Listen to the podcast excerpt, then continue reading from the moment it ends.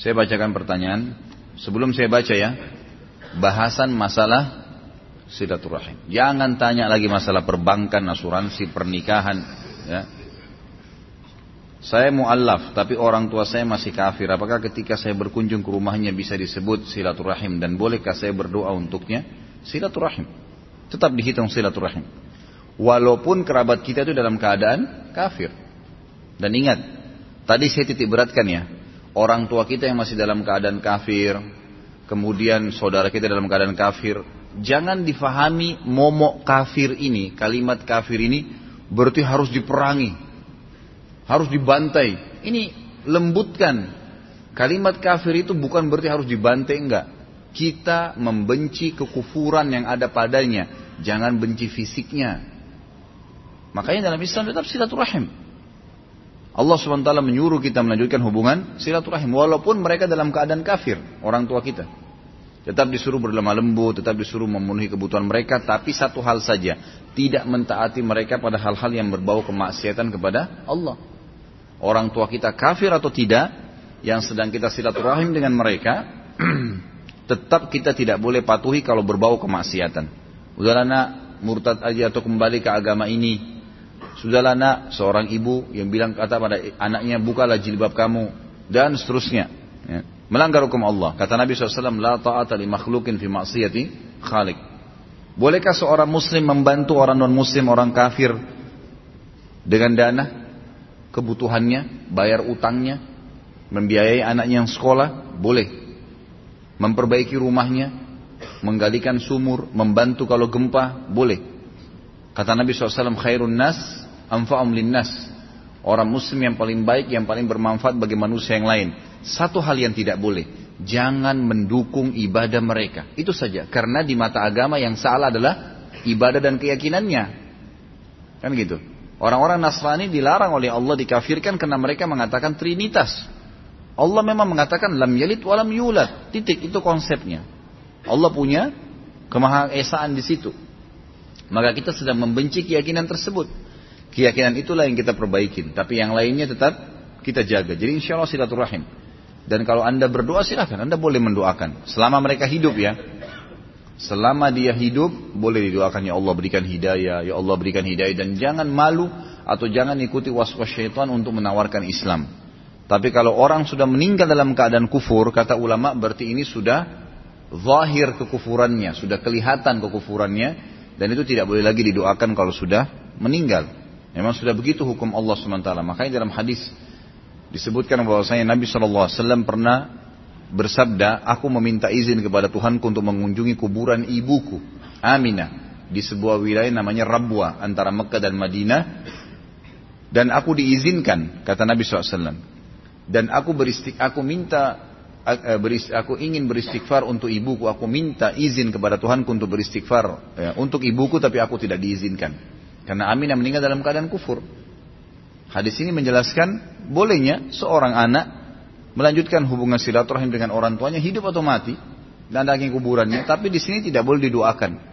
Karena Nabi SAW sendiri dilarang oleh Allah Subhanahu wa taala. Apabila seseorang terlambat datang saat sholat dan dia mendapati imam sedang ruku, lalu ia mengikutinya, namun di saat rukuknya belum sempurna, imam telah berdiri kembali untuk itidal. Apakah dia telah kehilangan satu rakaat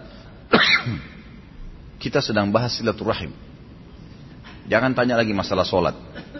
Dan ini bab sholat Masya Allah dalam bahasan kita ini hampir 100 dosa-dosa besar. Hampir setiap pertemuan pasti ada masalah sholat. Nggak selesai-selesai. Ya. Kalau dia sudah takbir dengan izin Allah Subhanahu Wa Taala, yang ada pendapat ya, yang paling ringan mengatakan dia mendapatkannya. Kalau dia sudah sempat takbir imamnya masih ruku dan dia berusaha gerakannya bertepatan pas dia mau ruku imamnya berdiri, maka insya Allah dia dapat. Selama imamnya belum sempurna dalam gerakan setelah ruku, maksudnya itidal. Kalau imam sudah sami Allahu liman hamidah berdiri, nggak ada. Tapi kalau baru dia mau berdiri, baru dia mau angkat kepalanya, si makmum datang takbir, kemudian dia ruku, insya Allah dia dapat dengan izin Allah. Di alam barzah nanti yang disiksa adalah ruh atau jasad. Ruh saja. Ruh. Hadisnya sahih riwayat Bukhari. Dan sudah pernah saya jelaskan, kita memiliki empat fase kehidupan. Alam azali sebelum jasad kita yang diciptakan, alam-alam ruh saja, gitu kan? Kemudian ada alam dunia yang sekarang kita laluin dan ini digabung antara ruh sama jasad. Kemudian ada alam barzah yang ruh saja, tidak ada jasad di situ. Kemudian ada alam akhirat yang di sana akan bergabung ruh sama jasad, tapi jasad kita jasad baru diciptakan oleh Allah SWT. Ini sudah jelas semua dalilnya kok. Sudah sering saya sampaikan tentang masalah itu. Ya. Hadis Sahih riwayat Bukhari kata Nabi Shallallahu Alaihi Wasallam, kalian ya, eh, seluruh tubuh kalian akan dimakan oleh tanah kecuali tulang ekor kalian yang darinya Allah akan bangkitkan kalian. Berarti di sini pembangkitan melalui kuburan atau dari kuburan nggak ada jasadnya. Tulang semua akan dimakan oleh tanah tubuh kita kecuali tulang ekor. Artinya yang tidak akan dimakan tanah dengan izin Allah tulang ekor. Memang ada orang tulangnya lain, ada sendi, ada tangannya, ada lengannya yang tidak dimakan, ada tengkorak kepalanya, iya. Tapi tidak semua orang begitu. Umumnya bisa dimakan oleh tanah, tapi tulang ekornya dijamin oleh Nabi SAW tidak akan dimakan oleh tanah. Nanti darinya lah kalian akan dibangkitkan.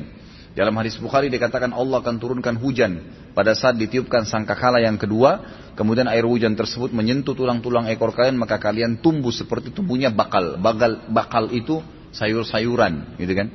Belum sayur-sayuran seperti itu. Jadi memang di alam barzah itu yang mengelaluinya, penyiksaannya, kan gitu adalah ruh.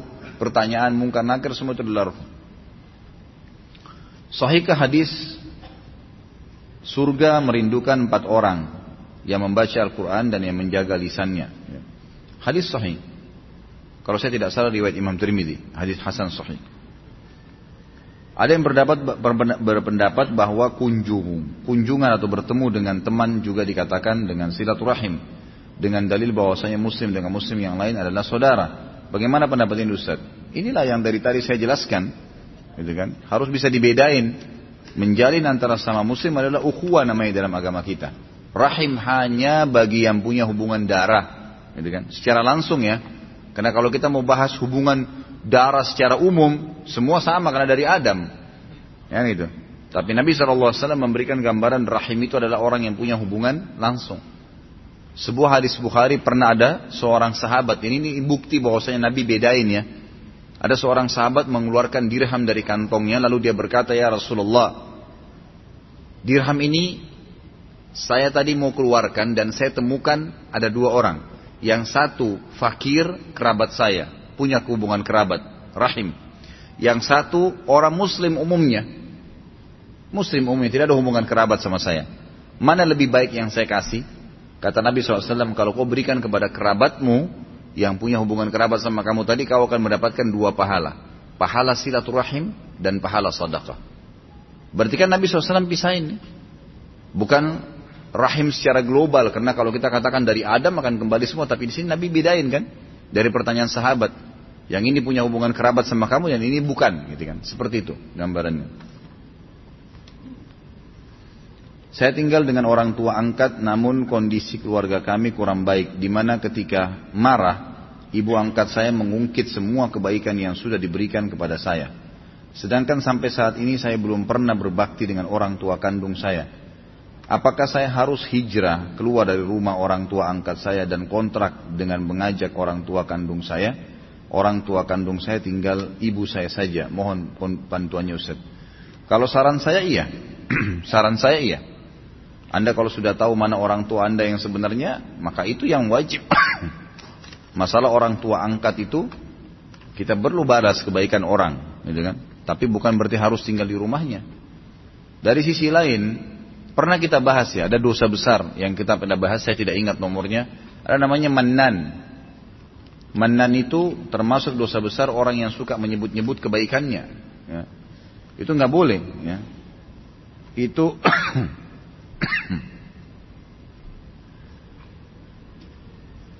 dosa besar ke-36.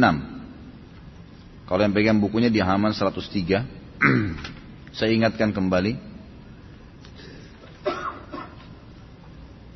Allah ta'ala berfirman, tentang tidak bolehnya menyebut-nyebut kebaikan. Jadi itu dosa ya, dosa besar. Saya sudah pernah bantu kamu, saya sudah 10 tahun berikan kamu beasiswa, saya sudah biayai kau dari kecil, nggak boleh. Sampai sebagian ulama mengatakan karena tegasnya larangan di sini sampai-sampai orang tua pun tidak boleh bilang sama anaknya. Nggak perlu. Padahal itu anak sendiri ya. Apalagi kalau dibalik. Anak bilang ke orang tuanya atau saudara bilang sama saudaranya itu nggak boleh sama sekali.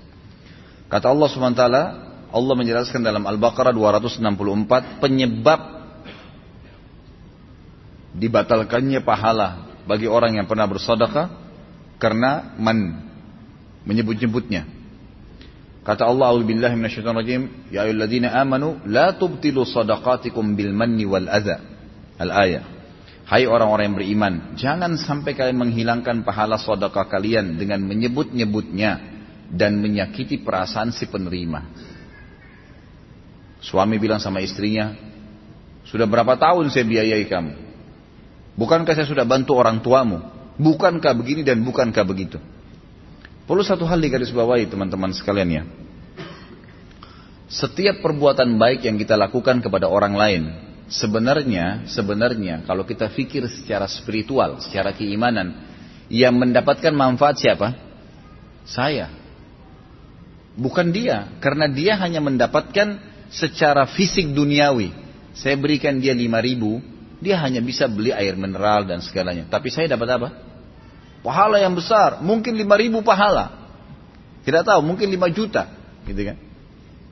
Makanya Abdullah bin Umar radhiyallahu anhu beliau kalau tidak datang orang yang datang minta-minta ke rumahnya, beliau keluar mencari. Karena bagi beliau sebenarnya, beliau yang membutuhkan pahala itu. Bayangkan kalau tidak ada fakir miskin, tidak ada minta-minta. Kita dapat pahala sedekah dari mana? Gitu kan? Kalau tidak ada cobaan, kita dapat pahala sabar dari mana?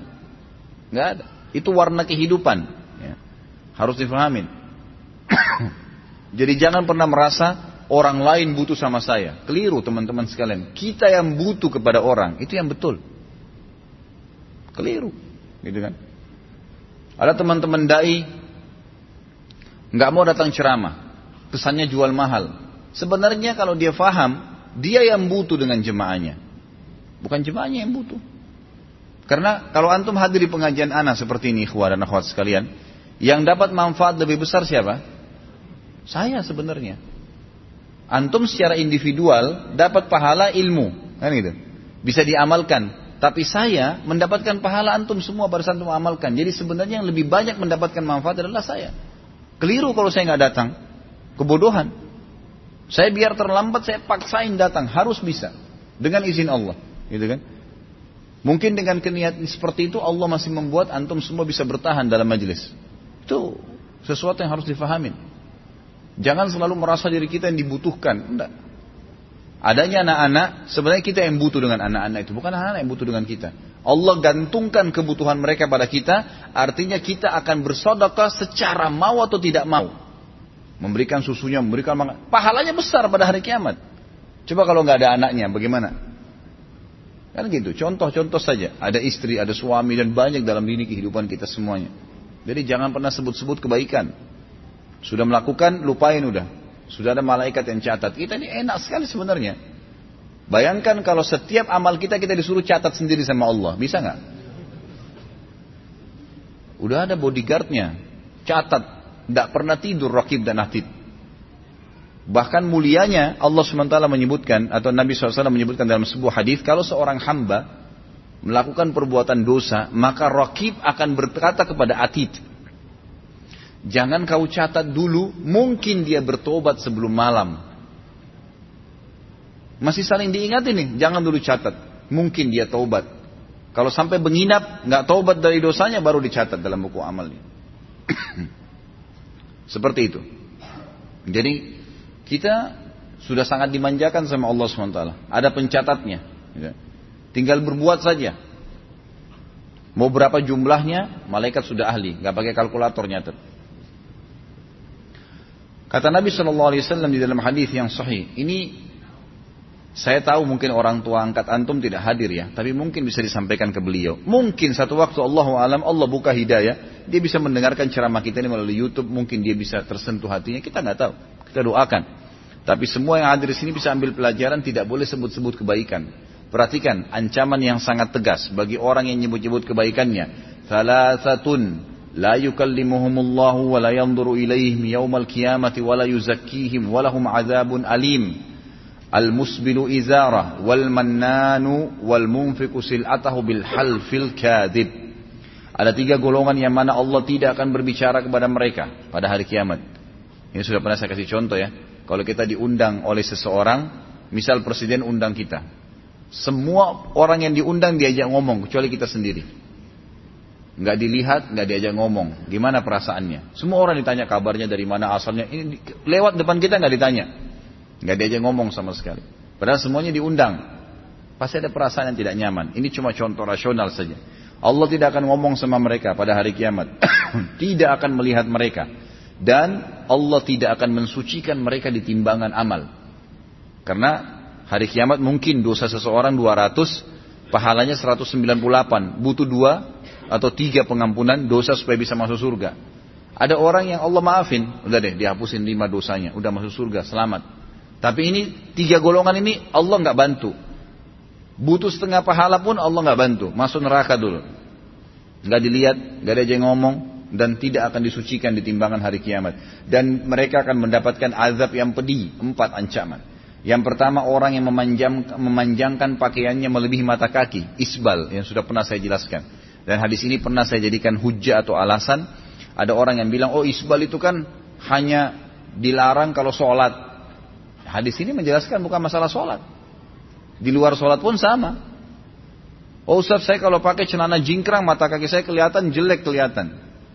Itu persepsi. Ada orang di mall pakai sampai lututnya lebih tinggi nggak dimasalahkan. Ada orang lebih tinggi lagi setengah paha nggak dipermasalahkan. Kenapa yang naik di atas mata kakinya dipermasalahkan? Karena seorang muslim dalam mengimani tauhid uluhiyah, mengesahkan Allah dari sisi ibadah adalah meyakini semua yang baik dan bagus dan indah itu di mata dia, apa yang bagus dan baik serta indah di mata Allah. Yang buruk di mata dia adalah semua yang buruk di mata Allah. Sudah. Mau seluruh dunia tidak suka, terserah. Yang penting bagi saya Tuhan saya mengatakan seperti ini. Kan gitu. Itu namanya mengesahkan Allah dari sisi uluhiyahnya. Penyembahan Allah secara murni. Kemudian yang ketiga, maaf. Oh yang kedua, yang pertama orang yang menjangkan pakaian melebihi mata kaki bagi laki-laki dari atas ke bawah, bukan dari bawah ke atas. Kos kaki nggak ada masalah. Yang kedua orang yang suka menyebut-nyebut kebaikannya yang pernah diberikan kepada orang lain. Bayangkan ini. Pernah berbuat baik loh. Disebutin malah jadi masalah. Dan yang ketiga adalah penjual yang melariskan barang dagangannya dengan sumpah dusta. Hadis yang lain Kata Nabi SAW, Salasatun layak badullah minhum, sarfan wala adla, aqun wa mannanun wa mukadzibu bil qadar. Ada tiga golongan manusia yang mana Allah tidak akan menerima amal wajib maupun amal sunnah darinya. Yaitu orang yang durhaka kepada kedua orang tuanya. Yang kedua, orang yang gemar menyebut-nyebut kebaikannya. Dan orang yang mendustakan kadar mendustakan takdir maksudnya, gitu kan? Jadi ada bahasan qada dan kadar, iman, rukun iman kita yang ke enam. Kalau qada itu keputusannya Allah, kalau kadar kapasitasnya, gitu kan? Jadi Allah sementara menciptakan semuanya, semua ini dengan qadanya Allah, keputusannya Allah dan Allah berikan setiap qada ada kadarnya, ada kapasitas, gitu kan? Allah ciptakan lapar, ada kapasitasnya itu supaya laparnya bisa hilang. Makan nasi sepiring. Udah, itu itu kadar namanya. Orang capek, qadha.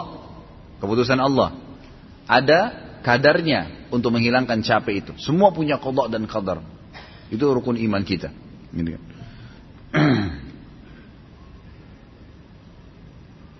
Ustaz Anda mau tanya, tadi Ustaz menyebutkan bahwa sesama muslim tidak boleh mencela, merampas harta orang muslim. Tapi Anda mempunyai kerabat yang suka sekali membuka aib dan menyebarkan aib keluarga Anda kepada orang-orang. Bagaimana sikap yang harus kami lakukan? Kami bisa memaafkan tapi celan-celan mereka sungguh tidak bisa dilupakan.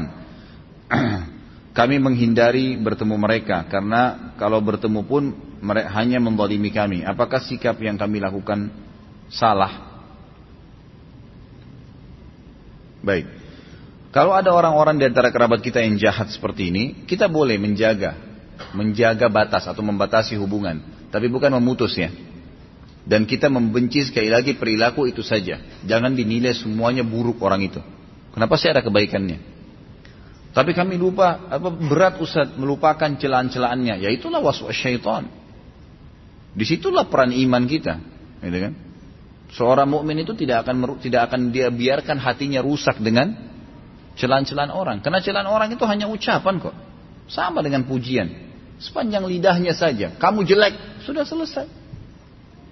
Anggap aja angin lalu. Dia mau bilang jelek terserah saya tetap gagah kan gitu. Bisa saja kita berkata begitu.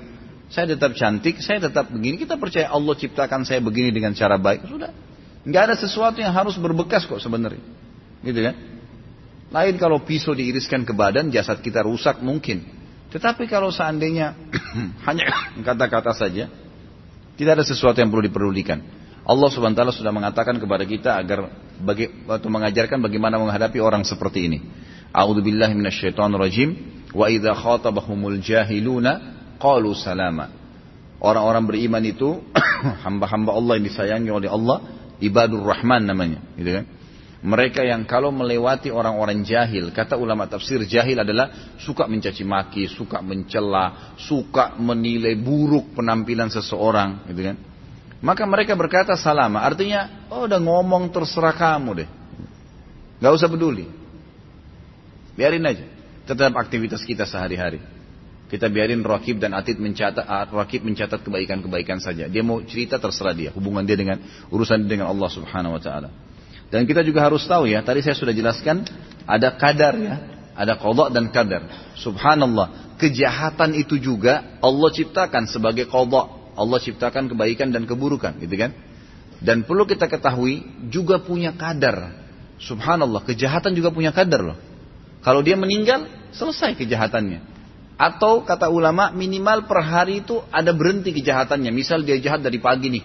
Pasti ada saatnya dia letih, dia jenuh, dia berhenti ke kamar mandi, dia berhenti makan, dia tidur. Berhenti kejahatannya. Ada kadarnya itu. Kadang-kadang Allah SWT malah menghukum dia kalau dia sudah berlebihan. Mungkin dia meninggal tiba-tiba, mungkin dia jatuh, mungkin dia ini, mungkin dia itu. Banyak hal. Jadi nggak usah terlalu khawatir. Kita punya Tuhan Allah SWT dan semua sudah sesuai dengan kadarnya. Ada saatnya dia akan berhenti. Dan pada saat sekarang Anda akan mendapatkan pahala sabar. Ingat ya, pahala amal yang besar sekali adalah sabar. Kata Allah SWT, "Wa ma yulaqqaha illa alladziina sabaru وَمَا يُلَقَّهَا إِلَّا ذُو حَظٍ عَظِيمٍ Surga itu tidak akan didapatkan kecuali bagi orang-orang yang sabar. Dan surga tidak akan didapatkan kecuali orang yang memiliki nasib yang baik. Allah mempertemukan antara nasib yang baik dan masuk surga dengan mudah adalah orang yang sabar. Dan sabar kapan dibutuhkan? Kalau cobaan sedang datang. Ya kan? Di situlah cobaan, di situ dibutuhkan, itu kita akan panen pahala sabar. Lagi ada masalah, kita hadapin dengan tenang, ya kita bersyukur kepada Allah Subhanahu wa taala, ikhtiar mencari jalan keluar seperti itu. Kemudian orang tua anak sudah cerai, tujuh anak mengikuti ibu dan satu anak mengikuti ayah. Tapi ibu anak juga termasuk saudara-saudara kandungnya tidak boleh bertemu dengan satu anak yang ikut ayah tersebut. Bahkan satu anak tersebut diajarkan bahwa ibu kandungnya adalah ibu tirinya. Apa yang harus kami lakukan sedangkan ibu anak sangat merindukan anak tersebut? Ya diingatkan ayahnya. Ini biasa saya bilang, ini tadi yang saya kasih contoh ya. Biasanya ego pribadi. Karena jengkel dengan mantan pasangan hidup, maka dia memutus hubungan antara orang tua dengan anak. Nggak boleh, dosa besar itu. Nggak boleh sama sekali, gitu kan. Maka diingatkan si ayah. Dan kalau anak itu sudah besar, bisa diberikan penjelasan. Mungkin bertemu di luar rumah, mungkin melalui sosial media gitu kan diberikan penjelasan gitu kan. Yang jelas jangan balas keburukan orang dengan keburukan kita. Jangan orang putus silaturahim kita juga putus silaturahim. Jangan orang gibah kita juga gibah. Dia dihukum kita juga dihukum. Ngapain? Gak usah ikut-ikutan. Apakah ada hukum puasa rajab 10 hari? Sama sekali nggak ada. Semua hadis tentang puasa rajab lemah bahkan maudhu. Nggak ada puasa khusus. Rajab adalah bulan dari dari empat bulan yang dimuliakan. Rajab, Dhul Qa'dah, Dhul dan bulan Muharram. Allah sebutkan dalam surah At-Taubah ayat 36. Khusus masalah Rajab masuk dalam bulan-bulan yang dimuliakan, ya kan gitu. Kata Imam Qurtubi rahimahullah, Allah memuliakan keempat bulan ini, artinya siapa pun yang beramal soleh di empat bulan ini akan dilipat gandakan pahalanya, dan siapa pun yang berbuat dosa dilipat gandakan hukumannya. Tetapi amal solehnya adalah amal yang sudah diperintahkan.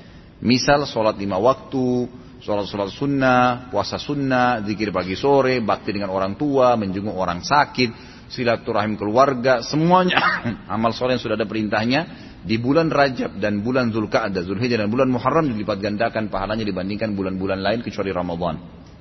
Itu yang dimaksud. Tapi kalau hadis yang puasa hari pertama Rajab diampuni dosanya, ada yang puasa sekian hari akan mendapatkan pahala para nabi-nabi dan beragam macam khurafat, semuanya hadis maudhu, hadis yang bohong. Nah itu sudah diangkat oleh para ulama tentang masalah ini. Bagaimana pendapat tentang amal baik bukan sebab masuk surga karena itu hak Eh, proaktif Allah ya. Ya memang benar, hadis Nabi SAW. Tidak ada seorang pun di antara kalian yang akan masuk surga dengan amalnya. Ya. Kata para sahabat anda juga ya Rasulullah, kata Nabi SAW, iya, saya pun juga. Semuanya masuk dengan rahmat Allah SWT. Kalau ada yang bertanya, lalu untuk apa orang beramal? Ya untuk meninggikan derajat di surga. Untuk fasilitas lebih baik. Sebagai bentuk kepatuhan kepada Allah diberikan pahala, nanti pahalanya akan menjadikan derajat dia. Tapi kalau masuk ke dalam surga dengan rahmat Allah subhanahu wa ta'ala. Itu memang hadis sahih. Ana belum hafal zikir pagi dan sore. Bolehkah ana membacanya? Dan bolehkah tidak berurutan? Boleh. Gak ada, gak ada masalah. Boleh saja bawa bukunya. Baca. Dan insya Allah kalau rutin dikerjakan maka akan boleh juga didengar ya kan? di radio kalau lagi di mobil, kalau di motor mungkin pakai headset dan seterusnya itu bisa. Apakah benar seorang laki-laki yang tidak sholat Jumat tiga kali berturut-turut harus mengulangi syahadatnya? Ini pendapat istihad ulama. Kalau dalil tidak ada. Kalau dalil tidak ada. Ini pendapat Imam Syafi'i rahimahullah yang mengatakan karena Jumat itu wajib. Kalau orang meninggalkannya secara sengaja maka dia kufur gitu kan. Tapi jumhur ulama mengatakan tidak. Hanya saja ya dia berdosa besar sebagaimana dia tinggalkan sholat. Tinggal dilihat kalau dia meninggalkan sholat lima waktu atau Jumat jahdan karena membangkang terhadap hukumnya, ini kufur, ulangi syahadatnya. Tapi kalau dia takasulan, malas-malasan atau karena kejahilan, jahlan, maka ini tidak disuruh taubat saja. Apa amalan wajib dan sunnah bagi orang tua yang bayinya baru lahir? Tidak ada yang wajib, eh, kalau yang wajib sebenarnya eh, akikah, ya, akikah bayinya di hari ketujuh kemudian e, kalau anak laki-laki dua ekor kambing, kalau anak perempuan satu ekor kambing, kemudian mencukur rambutnya dan menimbang dengan timbangan perak atau emas, lalu bersedekah dengan jumlahnya, itu yang sifatnya wajib. Kemudian yang termasuk wajib juga kalau tidak salah itu memberikan nama yang baik. Dan itu di hari ketujuh semua. Jadi tumpahkan darah menyembelih untuknya, kemudian memberikan nama yang baik. Sunnah mentahniknya. Tahnik itu mengunyah kurma sampai halus dan menempelkan di langit-langit di bagian dalam gusinya gitu kan maka itu nanti diisap oleh dia dan itu sedikit saja gitu kan sedikit sekali tiap hari boleh diberikan itu bagian daripada sunnah yang saya tahu seperti itu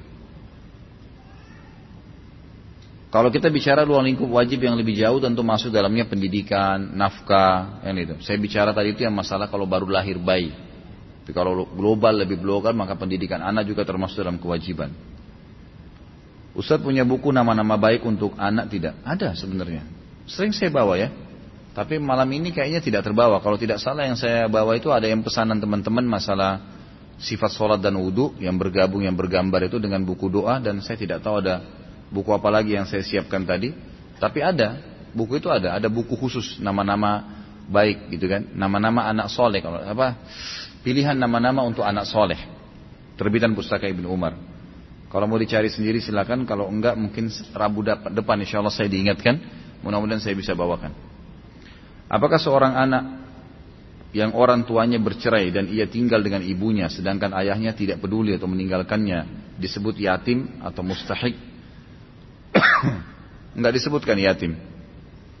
Enggak masuk dalam yatim. Yatim khusus definisi bagi anak-anak yang belum balik dan ayahnya meninggal. Kalau masalah ayahnya bengkalikan kewajiban nafkah itu tidak dikatakan juga tetap yatim. Karena hukum yatim sendiri ya.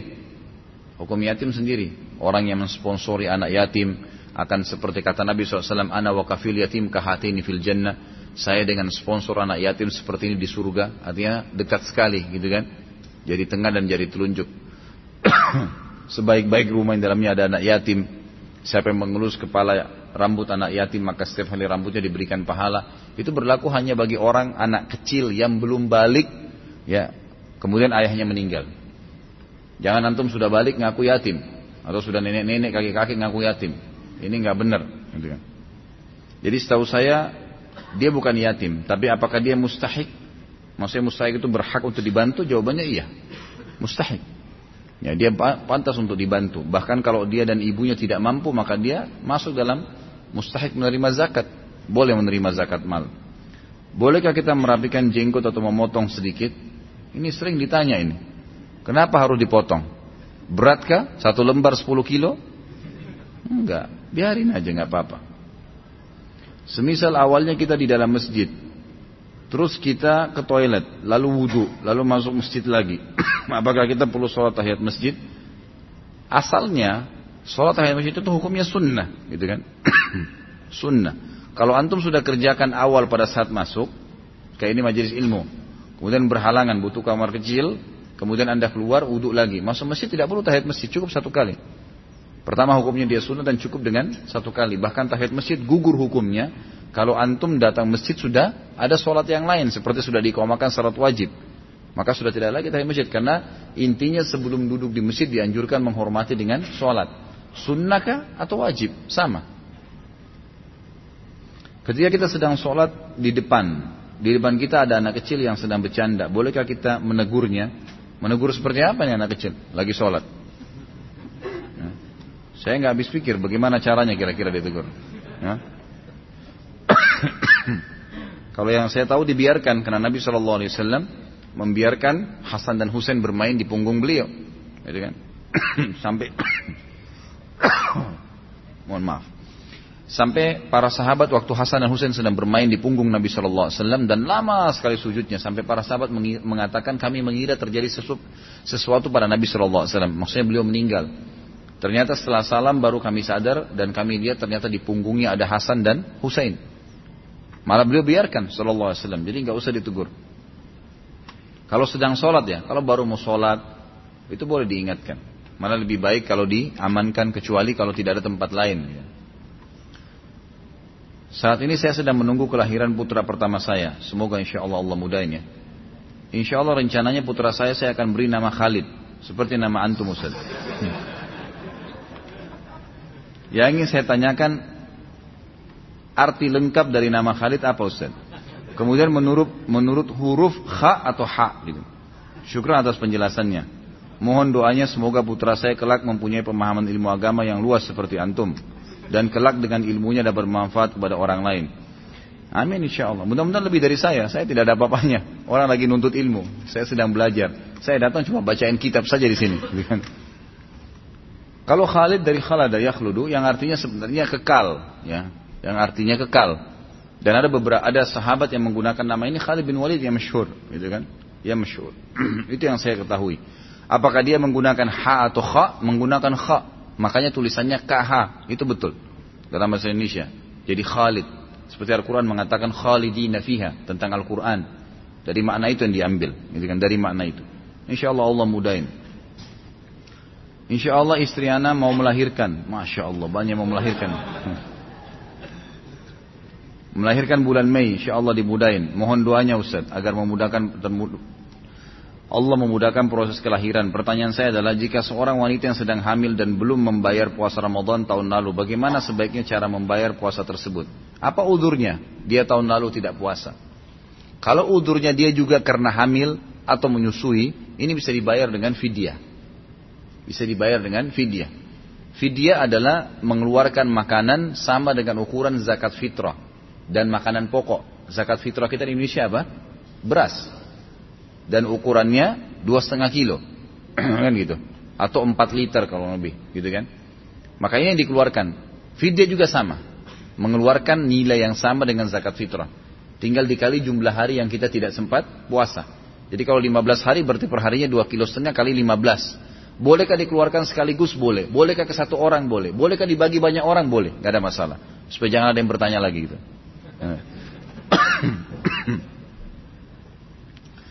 Lalu bagaimana kalau dia kemarin tidak ada udurnya Ustaz? Hanya kebetulan memang menunda-nunda saja dan sekarang lagi hamil. Maka dia puasa, berusaha. Persepsi yang selalu ditanamkan di benak kita adalah sugesti positif. Saya bisa, saya mampu. Berdoa sama Allah, ya Allah bantulah saya.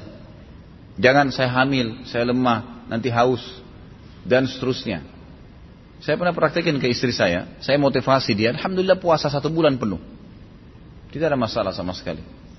Bahkan pada saat itu hamilnya lagi hamil besar lagi, gitu kan. Pada saat sahur diberikan konsum eh, yang cukup, buka puasa juga yang cukup. Nggak ada masalah. Sugestinya selalu positif saja. Tapi jangan dipaksain, gitu kan. Kalau nggak bisa ya sudah.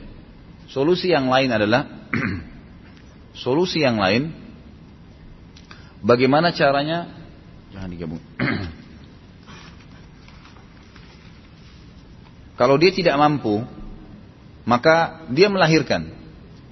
Kalau masa melahirkannya memang sekarang dia tidak mampu, memang sering haus, butuh obat-obatan, vitamin dan segalanya, dia tidak berdosa insya Allah. Karena memang dia masih punya kesempatan. Sama hukumnya dengan orang yang meninggalkan sholat wajib di awal waktu. Kemudian dia mau sholat di akhir waktu. Gitu kan? Ternyata di akhir waktu dia lupa. Ini hukum hukum fikih ya. Kalau seandainya ada orang azan duhur dia nggak sholat, Imam Ahmad mengatakan dia berdosa kalau tidak sholat di awal waktu dia punya tidak ada udurnya. Tapi Imam Syafi'i mengatakan tidak, gitu kan? Artinya dia, dia kehilangan banyak sekali pahala. Baik, dia tunda nanti deh setengah tiga saya sholat. Asarnya jam tiga. Subhanallah, pas setengah tiga dia keluar kantor lupa, lupa sholat duhur. Dia ingat nanti setengah lima. Bagaimana kira-kira? Dosakah dia? Tidak berdosa di sini. Dia lupa. Dan memang bukan dia sengaja kan. Dia tetap boleh kerjakan sholat duhurnya di waktu dia ingat. Karena kata Nabi SAW, siapa yang lupa sholat dia boleh kerjakan kapan dia ingat. Sama hukumnya dengan tadi yang ditanyakan kepada saya. Jadi kalau Ramadan, dia sebenarnya masih punya kesempatan puasa sampai bulan Syaban, ya kan? Ternyata di bulan Rajab ini ketahuan hamil atau Rabiul Awal ketahuan hamil. Dan ternyata prediksi dokter akan lewat Ramadan sementara dia tidak bisa puasa. Berdosakah dia? Tidak. Insya Allah setelah dia melahirkan nanti dia bayar puasanya itu. Dan lebih baik, ya lebih baik kalau dia yang, yang tadi yang dia utang puasa tahun lalu bukan karena udur syari, bukan karena hamil atau menyusui, dia wajib bayar dengan puasa ya. Tapi yang sedang dia hamil sekarang, Ramadan nanti ternyata dia nggak bisa puasa, itu boleh dibayar dengan fidyah. Faham ya?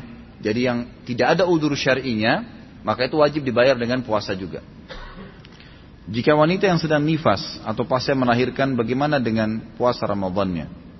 Sama tadi saya sudah jelaskan. Jadi kalau orang insya Allah hamil atau sedang menyusui dan dia merasa tidak mampu bisa dibayar dengan fidyah. Keluarkan aja fidyah. Ustaz tolong bagaimana cara membaca ayat ini dan jelas dan jelaskan surah Qaf ayat 34 udkhuluha bisalam. Apa masalahnya? Dibaca udkhuluha bisalam. Gitu kan? Ini tentang orang-orang yang masuk ke dalam surga nanti. Allah subhanahu wa ta'ala memerintahkan mereka atau menyambut mereka menyuruh para malaikat mengatakan kepada ahli surga udkhuluha bisalam. Masuklah kalian ke dalam surga dengan sambutan yang meriah.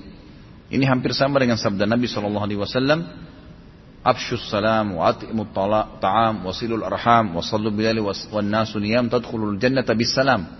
Kata Nabi SAW, sebarkan salam di antara kalian. Ma, ya.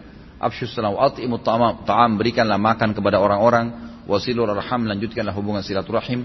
Wasallu bin, bin, bin laili wan nasu niyam dan solatlah pada malam hari sewaktu orang-orang sedang tidur. Tadkhulul jannata bis salam. Sama dengan ini. Kalian akan masuk ke dalam surga dengan sambutan yang meriah. Itu yang dimaksud.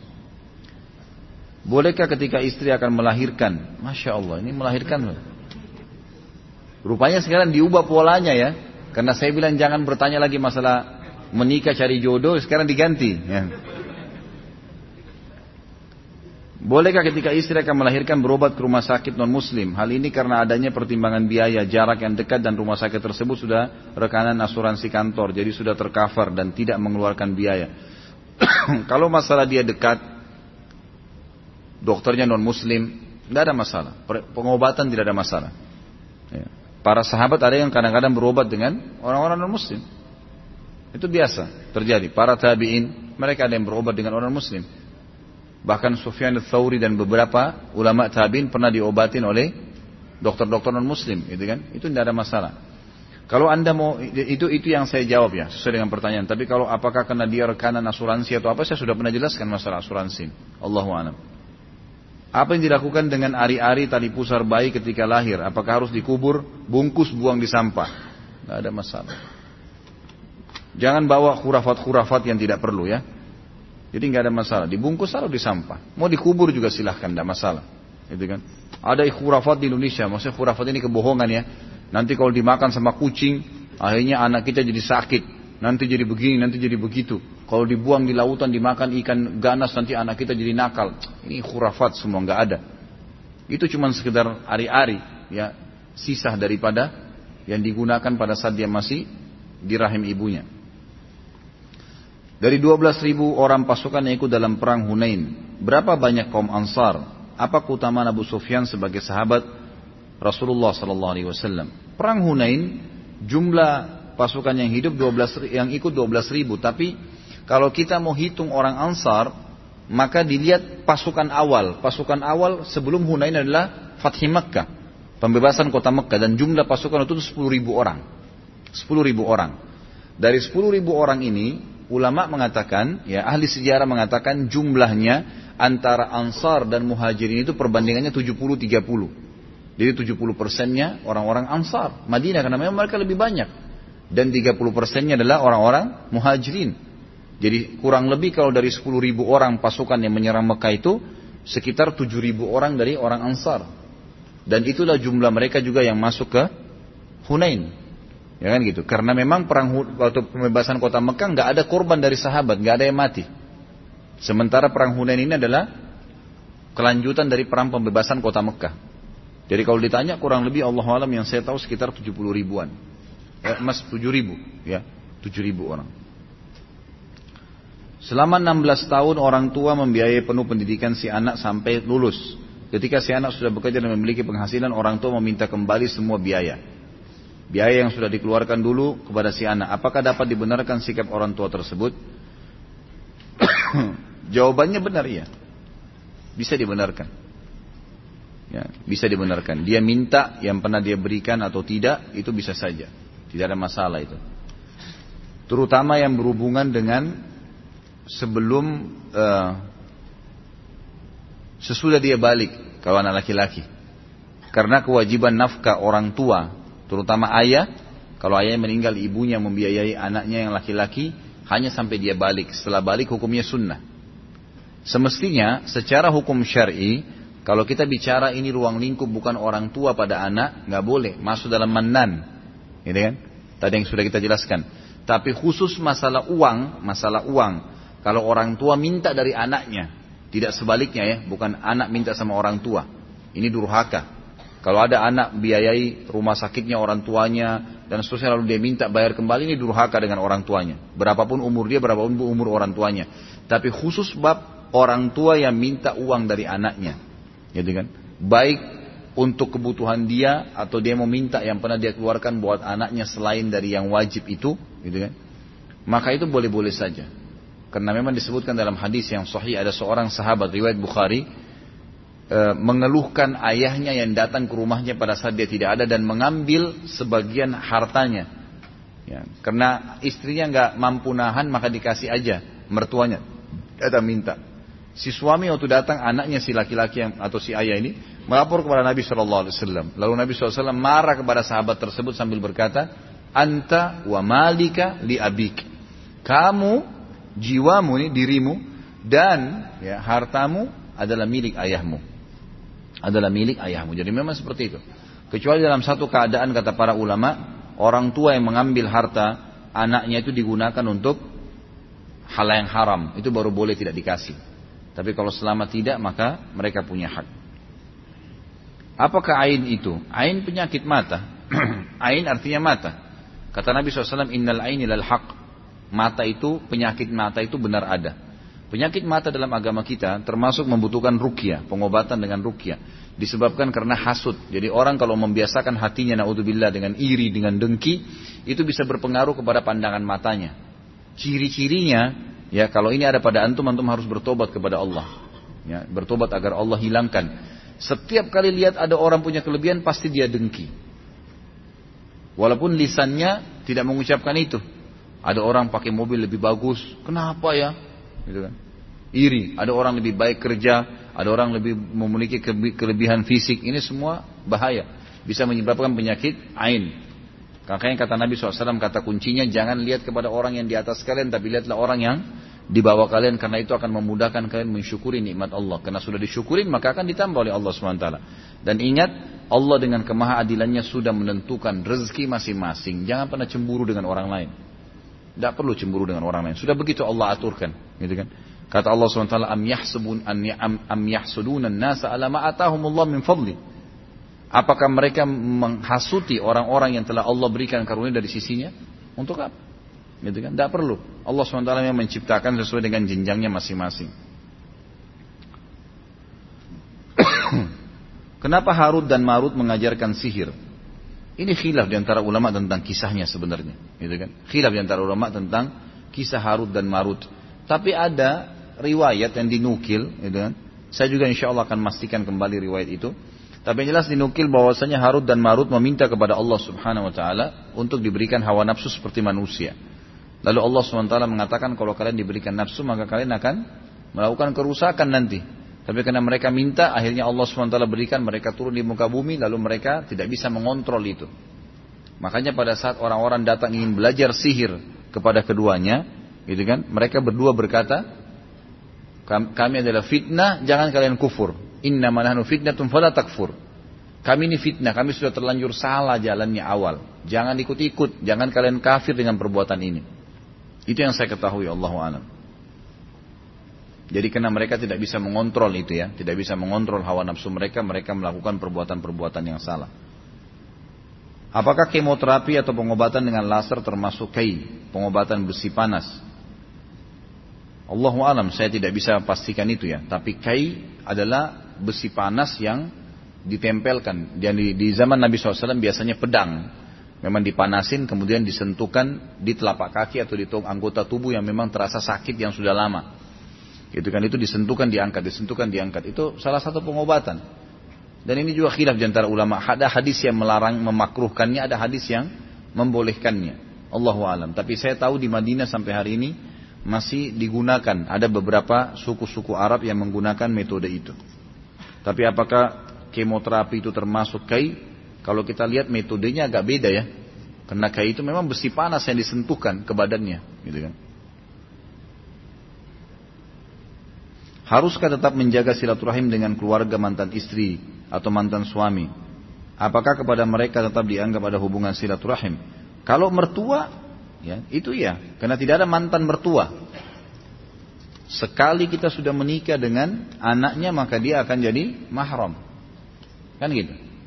Tidak boleh lagi mantan anak mantu tidak boleh nikah dengan mantan mertuanya. Bisa nggak? Nggak boleh. Si A cerai dengan istrinya si B. Selesai. Habis masa iddah bukan mahram lagi. Apakah dengan dia cerai sama istrinya tadi, dia boleh nikah dengan ibu mertuanya? Nggak boleh karena ini sudah mahram. Sebagian ulama yang lebih kuat mengatakan mereka mahram abadi. Jadi tetap silaturahim. Biasa saja. Telepon, tanya kabar, tunjukkan kebaikan-kebaikan, gitu kan. Maaf pertanyaan menyangkut haji. Baiklah, kita terima karena ada maafnya. Hmm. Tapi jangan lagi nanti minggu depan pakai maaf semua.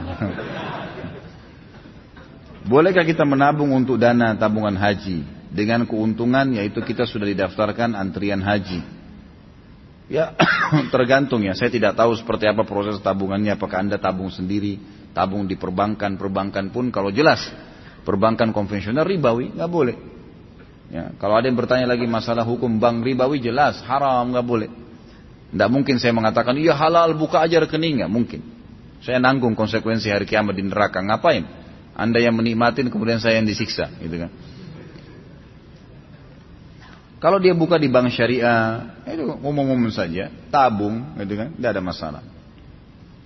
Bagaimana caranya bisa naik haji bersama ustadz? Ataupun dengan ustadz sunnah yang lain?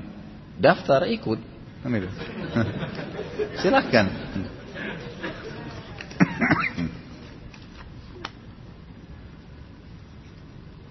Selain di sini, apa ini?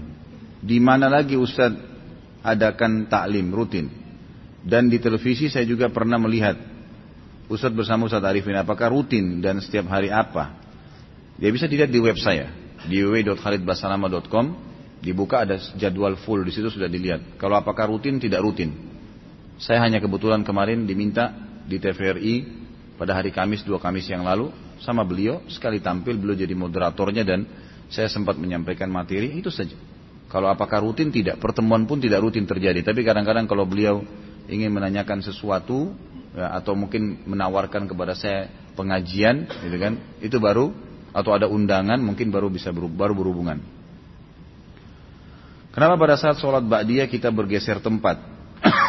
Karena sunnah.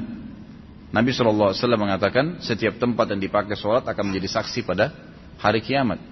Maka dianjurkan pindah tempat, bergeser. Nah itu akan jadi saksi hari kiamat. Apa hukum masuk rumah ibadah agama lain? Tidak boleh, haram, jangan masuk. Gitu kan. Terutama kalau lagi ada spiritual, ada acara-acaranya atau uh, apa namanya acara-acara agama mereka lah. Kata Nabi SAW, jauhilah tempat ibadah ahli kitab. Sementara ahli kitab itu Yahudi Nasrani adalah orang yang beriman kepada Allah ya. Tapi tetap disuruh jauhi tempat ibadahnya terutama kalau mereka sedang melakukan ritual karena laknat Allah sedang turun. Hadis sahih riwayat Imam Ahmad masalah ini. Jadi kita nggak boleh dekat-dekatan. Saya sapa Ustaz, jangan tugas pada saat itu. Cari tempat lain, rezeki Allah luas kok. Jangan kurung diri kita di tempat yang haram. Jadi sebagai jangan. Kalau ahli kitab saja nggak boleh, apalagi agama lain. Sementara ahli kitab beriman kepada Allah. Sudah bisa difahami masalah itu. Saya mau bertanya bagaimana hukumnya seorang suami yang terus-menerus melakukan sholat berjamaah eh, bersama di rumah dengan istri dan anak-anaknya, bukan di masjid. Kalau Imam Syafi'i mengatakan boleh-boleh saja.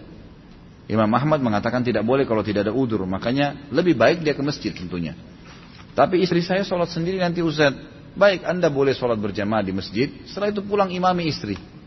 Adakah dalilnya? Ada. Sudah pernah saya jelaskan. Hadis Muadz bin Jabal. Hadis sahih. Muadz bin Jabal adalah anhu dainya Nabi sallallahu alaihi wasallam ke Yaman dan beliau adalah orang yang dicintai oleh Nabi sallallahu alaihi wasallam. Beliau selalu ikut lima waktu sholat bersama Nabi SAW kemudian pulang mengimami satu sukunya. Jadi bukan cuma istri anaknya satu suku semua jadi diimami sama dia. Tapi sholat keduanya sudah dihitung sholat sunnah. Boleh. Dalam hadis Bukhari yang lain ada pernah sahabat terlambat masuk masjid, kemudian sudah bubar sholat, lagi berzikir. Ada satu orang masuk sendirian, mau sholat. Kata Nabi SAW sebentar, siapa yang mau bersodokah untuk saudaranya ini? Abu Bakar angkat tangan saya Rasulullah. Maka Abu Bakar pun berdiri sholat dengan dia. Padahal Abu Bakar tadi sudah sholat berjamaah. Berarti boleh orang bab disebutkan bolehnya mengerjakan sholat wajib kembali, tapi hukumnya sudah sunnah oleh para ulama-ulama hadis, tapi hukumnya sudah sunnah untuk menemani saudaranya yang sholat sendirian. Jadi ini boleh saja. Bagaimana kalau kita punya salah dengan keluarga namun ia telah meninggal? Sebut-sebut kebaikannya, kemudian cobalah mengembalikan haknya yang kalau memang kita pernah ambil barangnya, berdoa kepada Allah agar dia diampuni, insya Allah akan seimbang masalah itu. Ya, itu tidak ada masalah. Asal memang betul-betul kita tulus ya. Mengapa kita tidak boleh bertasbih sebelum sholat? Apakah hadisnya sahih? Maksudnya apa ini tidak boleh bertasbih sebelum sholat? Saya nggak ngerti. Yang dimaksud apa sebelum sholat ini? Apakah yang dimaksud ini teriak-teriak pakai mic antara azan dan iqamah ini memang tidak ada sunnahnya. Kalau bertasbih berzikir antara azan dan iqamah boleh, tidak ada larangan. Zikir boleh saja kapan saja. Apakah budak hanya didapat dari perang? Bagaimana dengan Salman Al Farisi datang dari Persia e, untuk mencari Nabi Shallallahu Alaihi Wasallam, namun tertawan jadi budak. Saya tidak pernah tahu kalau Salman Al Farisi ini pernah masuk dalam kategori budak. Dia hanya sekedar menuju ke Madinah. Kemudian orang waktu saat dia bertanya, lalu kemudian orang tunjukkan kota Madinah dan dia masuk. Yang saya tahu Salman radhiyallahu anhu adalah orang yang bebas masuk ke Madinah tanpa tawanan. Ada mungkin beberapa riwayat yang menyebutkan masalah ini, tapi saya tidak tahu kesahihannya. Kalau budak bisa didapatkan dari peperangan, bisa juga didapatkan dari pasar. Karena kalau sudah jihad berkumandan banyak seperti di zaman Nabi SAW. Kalau kita rentet sejarah kehidupan Nabi SAW selama 10 tahun di Madinah, kalau kita ratakan semua selama 10 tahun dengan jumlah pasukan yang Nabi SAW utus itu hampir per 2 bulan atau 3 bulan sekali pasukan jihad keluar. Selama 10 tahun ya. Ini yang banyak umat Islam lalaikan ini. Tidak pernah berjihad. Di zaman Nabi SAW itu kalau 10 tahun di Madinah, mulai hijrah masuk di Madinah tahun pertama sampai beliau mau meninggal, itu hampir kalau direntet sejarahnya dihitung kurang lebih diakumulasikan hampir per dua bulan atau tiga bulan sekali pasti pasukan jihad keluar. Baik pasukan besar beliau pimpin sendiri atau pasukan-pasukan kecil yang beliau utus. Nah ini mengundang konima harta rampasan perang. Maka yang jadi di pasukan musuh akan menjadi budak. Ini bisa di, jadi hak orang yang sedang berjihad. Kemudian bisa diperjualbelikan sama dia. Biasanya ada pasar perbudakan, diperjualbelikan. Jadi ada dua sumber yang bisa didapatkan. Tapi dianjurkan tentu setiap muslim kalau punya budak untuk membebaskannya. Makanya kata Nabi Shallallahu Alaihi Wasallam, bebaskanlah para budak. Allah SWT juga selalu hubungkan dengan hukum syari. Fatahrirul raqabah. Seperti orang berhubungan suami istri di siang hari Ramadan. Apa kafarahnya? Bebasin budak. Kan gitu. Kalau nggak punya, puasa dua bulan berturut-turut. Kalau nggak bisa, baru memberikan makan 60 orang miskin. Gitu kan. Jadi kita lihat pembebasan budak. Kalau ada orang membunuh orang lain tanpa sengaja, maka hukumnya adalah pembebasan budak. Orang bersumpah salah sengaja atau tidak eh, sengaja maksud saya sengaja bersumpah atas nama Allah, kemudian dia bertaubat, pembersihannya, kafarannya, membebasin budak atau memberi atau berpuasa tiga hari betul-betul atau memberikan makan sepuluh orang miskin. Jadi memang budak dalam Islam itu ada dihubungkan dengan hukum syari dan sudah pernah saya jelaskan masalah ini. Fadilah sholat rawatib 12 rakaat apa? Lalu dimulai dari mana? Apa dari isya atau subuhnya? 12 rakaat fadilahnya tentu banyak. Ya, ada beberapa hadis di antaranya hadis sahih. Siapa yang menjaga 12 rakaat sehari semalam Allah akan bangunkan baginya istana di surga. Ibnu Umar mengatakan dalam saya menghafal dari Nabi Shallallahu Alaihi Wasallam 10 rakaat sehari semalam. Jadi hilaf antara ulama antara 10 dan 12. Tapi yang lebih kuat adalah 12 rakaat. Kalau dimulai dari mana tidak ada masalah dimulai dari mana. Yang jelas dia dua rakaat antara azan dan iqamah subuh, empat rakaat sebelum duhur, dua rakaat sesudah duhur, dua rakaat sudah maghrib, dua rakaat sudah isya. Dalam bermu, e, bermurabahah, barangnya harus kita miliki secara utuh, fisik atau sebatas ada tanda bukti secara hukum sudah berpindah ke pemilikan, baru bisa kita jual beli. Setahu saya yang penting ada bukti, setahu saya. Gitu kan? Setahu saya ada bukti. Ada tanah saya di Surabaya, saya mau jual. Saya jual kepada teman saya di Jakarta. Baik, saya jual tanah sana ya luasnya sekian. Teman saya tidak lihat tanah itu. Dia saya cuma lihatin sertifikat ini sertifikat tanah ini luasnya sekian, lokasinya di sini. Baiklah, saya tidak lihat tanah tersebut karena tanah sudah masyhur, orang tahu, maka ditandatanganin dibuat surat kesepakatan di notaris. Sudah sah, nggak ada masalah. Teman saya sudah boleh menjualnya kepada orang lain. Gitu kan? Yang tidak boleh ditransaksikan tanpa dilihat itu emas. Ya. Kalau emas, perak, ya. Nabi Shallallahu Alaihi Wasallam mengatakan yadan biyat mithlan bimithl. Tangan, cash, kasih uang, ambil barang. Ini kasih uang, emasnya sebentar ya saya ambilin, nggak boleh. Uangnya taruh sini, bawa emasnya saya bayar. Harus begitu. Kalau enggak berarti melanggar hukum agama. Saya baru mengenal sunnah. Sebelum mengenal sunnah setiap puasa Ramadan saya banyak yang batal. Dan sekarang saya lupa berapa jumlah hutang puasa saya. Apa yang saya harus lakukan apabila lupa jumlah hutang puasa. ini sama. ini sama dengan kalau lupa jumlah rakaat sholat. Kalau antum ragu, tiga atau empat ya. Kita pilih yang mana? Tiga, yang lebih sedikit. Seperti itu. Kalau puasa Ramadan, kata ulama, dibalik. Maksudnya diambil secara hukum hampir sama sholat tapi dibalik. Kalau sholat dipilih yang lebih sedikit, uh, Kalau sholat itu dipilih yang lebih sedikit, kalau puasa dipilih yang lebih banyak. Misal puasa saya 15 hari atau 17 hari ya, pilih 17 hari. Yang lebih banyak. Berjaga-jaga. Karena hikmah syar'inya kata Nabi SAW masalah sholat, kalau dia lupa tiga atau empat, kemudian dia pilih tiga, dan ternyata itu sudah empat, maka berarti dia sholat lima rakaat, dan target empat rakaat terpenuhi. Kan gitu. Kalau dia pilih empat rakaat kata Nabi SAW, ternyata baru tiga, maka sholatnya belum sempurna karena baru tiga rakaat yang dia kerjakan. Kan itu. Sama halnya dengan puasa. Kalau kita pilih lima belas atau tujuh belas, kita pilih lima belas, nanti masih ada dua hari yang kurang maka harus dibalik dari kasus. Tapi hukumnya hampir sama dengan sholat tadi. Cuma bedanya kalau sholat memilih yang lebih sedikit kalau ini memilih yang lebih banyak. Apakah kalau tidak membayar utang puasa kita tidak bisa masuk surga? Itu alasannya kenapa tidak bayar puasa dulu? Kalau alasannya tidak bayar puasa karena memang membangkang dengan hukumnya Allahu alam. Itu rukun Islam. Bisa sampai pada tingkat kufur. Sama dengan orang memungkiri zakat, orang memungkiri haji, sholat, itu semua sama rukun Islam, tidak boleh. Tapi kalau misalnya ada seseorang yang dia baru tahu hukum puasa Ramadan itu haram, kalau dia kemudian dia meninggal, baru dia mau jalankan dia meninggal, insya Allah sudah diampuni oleh Allah swt. Tapi masalah puasa ini tetap harus walinya bayarkan. Wali ya, Makanya ada sahabat mendatang kepada Nabi SAW berkata, Ya Rasulullah orang tua saya meninggal dan masih punya utang puasa. Apakah saya mengkodoknya, saya membayarnya sebagai anak? Kata Nabi SAW, iya. Karena haknya Allah lebih pantas kamu bayar. Berarti walinya tetap harus bayar puasa itu.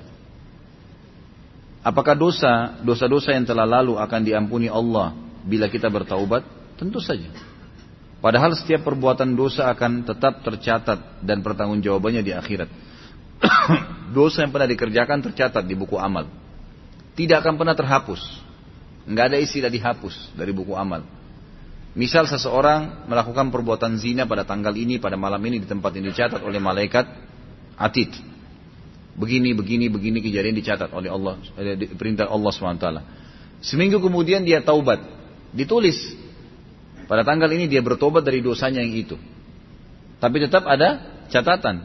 Makanya pada hari kiamat, tafsir dari makna firman Allah Subhanahu wa taala, orang-orang kafir untuk terima bukunya, mereka mengatakan a'udzubillahi minasyaitonir ma li hadzal kitabi la yughadiru saghiratan wala kabiratan illa ahsaha wa wajadu ma amilu hadira. Yang kurang lebih artinya al-ayat tadi. Orang-orang kafir pada saat menerima buku mereka, mereka mengatakan, buku apa ini? Tidak membedakan antara yang kecil dan yang besar. Ya, dan mereka mendapatkan semua apa yang mereka lakukan. Makna, wajadu ma'amilu hadira, mereka menemukan semua apa yang mereka lakukan. Kata ulama tafsir adalah masuk di dalamnya dosa yang pernah dikerjakan lalu kemudian dia taubat. Supaya dia tahu, nih pernah buat dosa ini, pernah buat dosa ini, pernah buat dosa ini, tapi kamu taubat pada ini, makanya dimaafkan. Tapi tetap ada catatannya, gitu kan? Jadi bukan dihapus begitu saja. Dan tidak ada pertanggungjawaban kalau sudah taubat, hanya penjelasan kalau dia pernah melakukannya. Ustaz, bagaimana cara menggugurkan dosa-dosa besar yang telah lalu agar kita tidak diadab oleh Allah SWT dalam kubur dan am akhirat. Tobat nasuha. Sudah sering kita sebutkan. Hadis, eh, mohon maaf, Imam Nawawi menyebutkan dalam Riyadus Salihin, Masya Allah, timbal balik ini. Ya. Jadi Imam Nawawi menyebutkan dosa besar akan diampuni oleh Allah kalau memenuhi tiga syarat mutlak. Meninggalkan dosa itu seketika, lagi zina berhenti, lagi bohong berhenti, lagi riba berhenti, yang kedua menyesali, dan yang ketiga berjanji sama Allah tidak akan mengulanginya. Sebagian ulama menambahkan yang keempat dengan menyibukkan diri dengan amal soleh setelah dia berbuat dosa tadi. Karena umumnya orang mengulangi lagi dosa besar yang sama, karena dia tidak sibukkan waktu-waktu yang biasa dia pakai berdosa dengan amal soleh. Apa boleh kita memisahkan atau menganjurkan seseorang untuk berpisah dengan orang tuanya dikarenakan hal berikut ini? Apabila orang tua dari orang tersebut kafir, dan ada kekhawatiran akan mempengaruhi sang anak karena anak tersebut baru memeluk Islam. Enggak, enggak perlu. Enggak usah. Malah ajar dia agama Islam membolehkan kau silaturahim. Tuntun dia agama yang benar. Jangan malah dipisahin, enggak boleh. Karena memisahkan anak sama orang tuanya adalah hukum syariah yang dilarang. Tadi sudah kita bahas panjang lebar masalah itu. Tuntun dia ke agama yang benar. Kamu boleh silaturahim, kamu boleh bicara, kamu boleh begini, silahkan. Kalau masalah kita berikan saran, kalau dia tinggal serumah sama orang tuanya, orang tuanya akan pengaruhi, orang tuanya akan jahat dengan dia, misalnya dipukulin, digebukin, harus keluar dari agama Islam, itu boleh kita sarankan supaya pindah. Tapi tetap ingatkan kamu nggak boleh putus silaturahim dengan orang tua kamu. Sabar hadapin mereka. Risiko itu dakwah. Dan ingat ya, tidak ada orang Bapak Ibu sekalian di muka bumi ini yang tidak melalui cobaan. Nggak ada. Jadi kalau sedang datang cobaan kita harus tahu bukan kita sendiri yang dicoba sama Allah, semua orang dicoba. Semua orang dicoba, nggak ada manusia yang tidak ada cobaannya. Dan sudah sunnatullah, ada senang, ada sedih. Sehari antum senang, antum akan sedih satu waktu. Ada muda, ada tua, ada malam, ada siang, ada hidup, ada mati, ada dunia, ada akhirat, pasang-pasangan. Memang sudah begitu. Apabila orang tua sering melakukan tindakan kekerasan kepada anak sehingga menimbulkan luka fisik padanya dan kejadian ini berulang walaupun orang tua tersebut sudah dinasehatin. Tentu dia boleh pindah rumah, tapi tetap tidak boleh silaturahim, tidak boleh putus silaturahim. Boleh kita sarankan pindah tempat. Dia khawatir orang tuanya mungkin ini kalau orang tua suka mukul ini orang tua tidak normal, aneh, gitu kan? Jadi dia boleh tinggalkan rumah tapi tidak boleh putus silaturahim. Dalam kehidupan rumah tangga sering kali perceraian menjadi opsi yang dipilih oleh suami istri dikarenakan berbagai hal. Apabila terjadi suatu perceraian terhadap suami istri yang dalam rumah tangga mereka dulu ternyata menghasilkan anak dan anak tersebut dibawa oleh istri. Namun seiring berjalannya waktu istri tersebut selalu menceritakan keburukan suaminya dulu kepada sang anak sehingga sang anak tidak menyukai ayahnya sementara itu keburukan yang diceritakan istri tersebut adalah benar. Pertanyaan saya, apakah yang dilakukan oleh istri tersebut tergolong ke dalam dosa besar? Tentu saja. Gibah. Kenapa mau menceritakan aibnya ayah, suaminya dulu? Supaya anaknya tahu keburukan ayahnya? Untuk apa? Gak ada manfaatnya. Jangan emosi kita pribadi ditarik kepada anak, nggak ada hubungannya. Menarik orang lain untuk sama-sama memusuhi, nggak boleh. Kan kita sedang sekarang membuat anak kita musuh dengan orang tuanya sendiri, nggak boleh. Sehingga anaknya musuh, nggak mau ketemu, nggak mau berbakti, nggak boleh. Jangan, nggak usah. Jangan dendam. Dalam Islam tidak ada dendam. Tidak ada sesuatu yang samar-samar, gitu kan? Semuanya jelas dalam Islam. Nasihat seperti apa yang bisa diberikan kepada sang anak agar dia tidak memutus silaturahim dengan ayahnya? Sampaikan baik-baik bahwasanya ayah itu saya sudah pernah jelaskan di bab bakti dengan orang tua ya, teman-teman sekalian. Kalau saya tanya kembali, siapa yang lebih wajib dibakti antara ibu sama anak, ibu sama ayah? Banyak orang mengatakan ibunya kan? Karena selalu yang ditonjolkan hadis surga di bawah telapak kaki ibu. Padahal hadis ini hadis yang lemah sekali. Gitu kan? Lemah sekali. Kalau dalam masalah khidmah, khidmah itu melayanin. Maka ibu didahulukan. Hadis Nabi SAW yang berbunyi seorang sahabat mengatakan, Ya Rasulullah, man ahakku bisuhbati. Siapa yang lebih layak saya layani? Saya temenin. Kata Nabi SAW, ummuka, ibumu. Yang anak ini maksud adalah antara ibu sama ayah siapa yang saya dahulukan dalam melayani. Kata Nabi SAW, ibumu. Siapa lagi Rasulullah? Ibumu. Siapa lagi Rasulullah? Tiga kali ibumu. Lalu yang keempat baru dikatakan ayahmu. Memang khusus poin ini melayani adalah ibu yang didahulukan. Nak, ambilin saya air, ibu bilang. Ayah juga bilang, nak, ambilin saya makan. Ibunya didahulukan. Memang begitu. Nak, antar saya ke sini, si ibu bilang. Ayah mengatakan, nak, antar saya ke sini. Dahulukan ibu. Khidmah, melayani memang begitu. Tetapi, dalam masalah porsi bakti, itu ayah lebih tinggi daripada ibu porsi bakti, gitu kan? Seperti misalnya hadis Nabi SAW, siapa yang membenci ayahnya dia telah kufur. Hadis sahih riwayat Imam Muhammad dan Imam Hakim. Tidak ada hadis seperti ini untuk ibu, untuk ayah. Siapa yang menibas, menisbatkan diri kepada selain ayahnya, maka dia telah kufur. Hadis sahih juga. Berarti ini masalah gitu kan? Perempuan mana pun yang menikahkan dirinya tanpa izin walinya, siapa walinya? Ayahnya. Maka nikahnya batal, batal, batal. Walaupun ibunya bilang tidak apa-apa nak ibu ridho, nggak bisa, batal. Hukum syar'inya begitu. Secara porsi umum ayah lebih tinggi daripada ibu. Sebagaimana juga dia sebagai suami ya, lebih tinggi posisi ketaatan atau bakti si istri kepada dia. Begitu juga kan anaknya. Tadi hadis yang saya sebutkan pada saat sahabat mengeluh karena hartanya diambil oleh ayahnya apa kata Nabi SAW? Kau dan ayahmu milik ayahmu. Kamu dan hartamu milik ayahmu. Gitu kan? Jadi jelas hukum-hukum syar'inya. Makanya harus difahamin masalah-masalah seperti ini ya. Masalah-masalah sebenarnya Allah alam. Mudah-mudahan Allah SWT memberkahi majelis kita ini dan juga menyembuhkan semua orang yang sakit, mengangkat semua permasalahan yang sedang dihadapin bagi kaum muslimin, memberikan kemenangan pasukan-pasukan mujahidin di mana-mana, di mana pun mereka berada. Allah semoga Allah SWT memberikan hidayah para pemimpin kita, presiden dan wakil dan para menteri-menteri kepada sunnah Nabi Shallallahu Alaihi Wasallam karena Nabi Shallallahu Alaihi Wasallam sendiri sudah mengatakan akan datang pemimpin-pemimpin yang tidak memahami atau akan jauh ya dari kebenaran karena mereka tidak mengikuti sunnahku dan tidak pernah mengambil petunjuk dariku. Semoga Allah SWT menyegarkan pemahaman sunnah yang benar di Indonesia ini dan di seluruh negara-negara kaum muslimin.